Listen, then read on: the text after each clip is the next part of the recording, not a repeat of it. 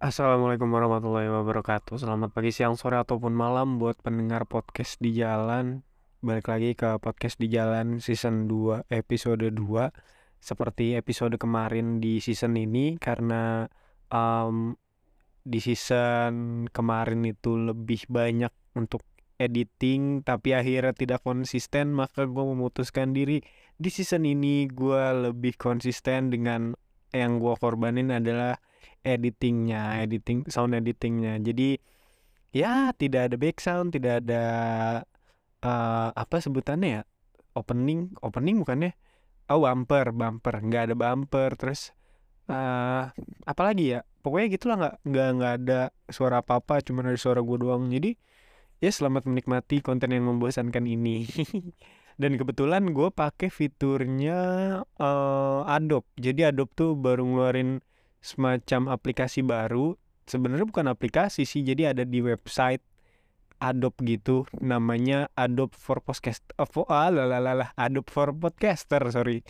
Adobe for Podcaster. Jadi itu kita bisa ngebersihin suara kita yang tadinya noisy banget tapi jadi akhirnya tuh jadi clean banget. Tapi ya gitu ada namanya juga AI jadi kadang suara kita nggak sama sama uh, aslinya. Jadi sedikit-sedikit berubah lah tapi ya ya nggak apa-apa lah. Yang penting suaranya jadi jernih gitu.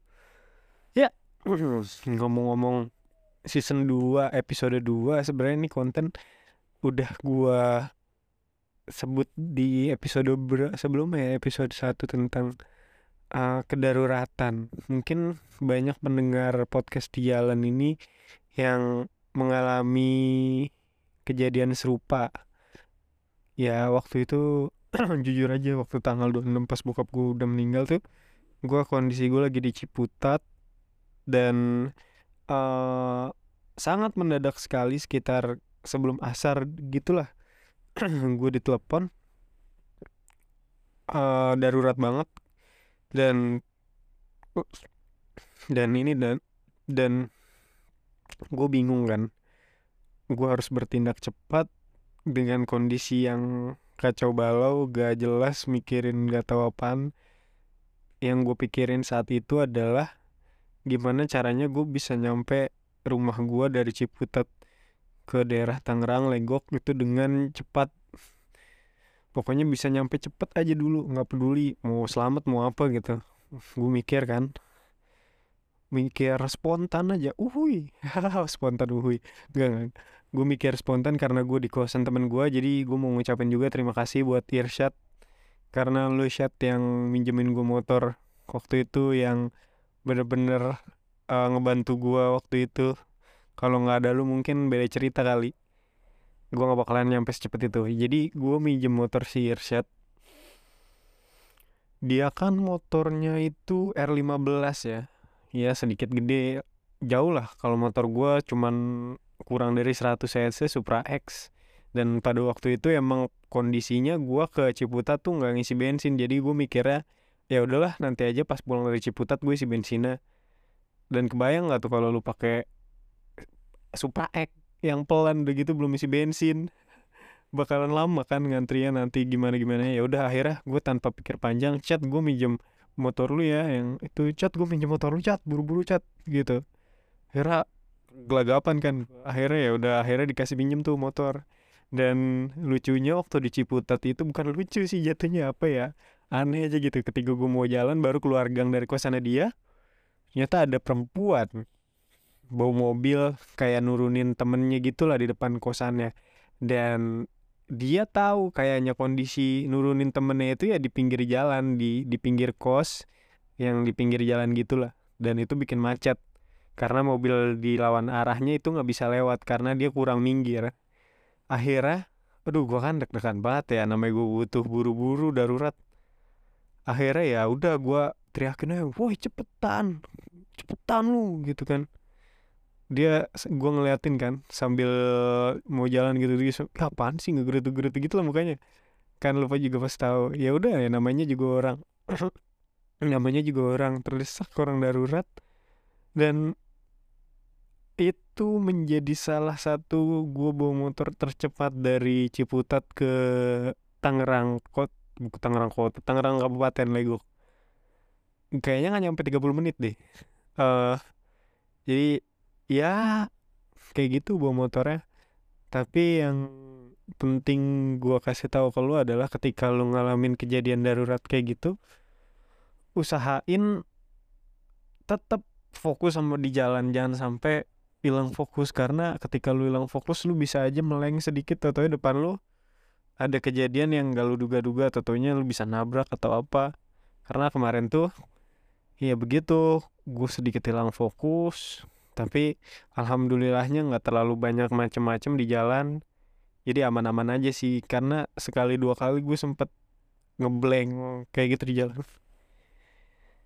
Dan ya seperti Rossi ketika di Yamaha bawa motor seperti itu dengan kondisi ban ban depannya itu kayaknya komstirnya atau komstir ya apa ya yang awam sama motor. Pokoknya stangnya tuh oblak gitu kalau kena jalanan rusak. Nah jadi ketika belok atau jalanan yang gak rata sedikit sedikit aja tuh motor bisa goyang banget. Jadi bahaya sebenarnya. Cuman dalam kondisi yang seperti itu ya mau nggak mau harus harus jalan secepat mungkin. Dan ya kayak gitu sih jadinya. Mungkin buat kalian yang pernah ngalamin kejadian serupa itu jadi jadi suatu hal yang sulit buat dilupain gitu. Dan untuk kalian yang belum belum yang belum pernah ngerasain dan semoga jangan ngerasain hal yang kayak gue rasain ya atau teman-teman lain yang pernah rasain. Kalau sumpah lu ngadepin kejadian kayak gitu usaha sebisa mungkin lu tetap uh, tenang dulu tenang supaya tenang itu sebenarnya supaya lu bisa berpikir secara cepat tindakan cepat walaupun ya pada akhirnya gelagapan sih.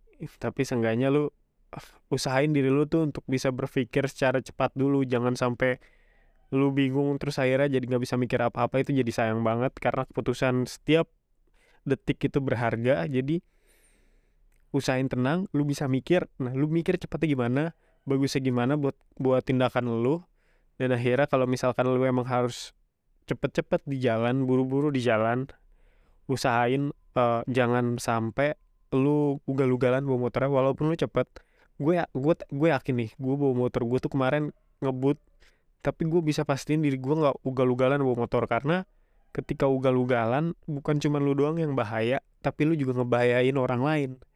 Kayak lu jatuh sendiri ya bodo amat itu mah urusan lu sama kesehatan lu sama keselamatan lu. Tapi kan yang jadi masalah ketika lu jatuh terus ngorbanin orang lain juga atau lu nabrak nabrak orang lain juga orang lain juga kan akhirnya jadi kena korban ya karena karena uh, karena salahnya lu.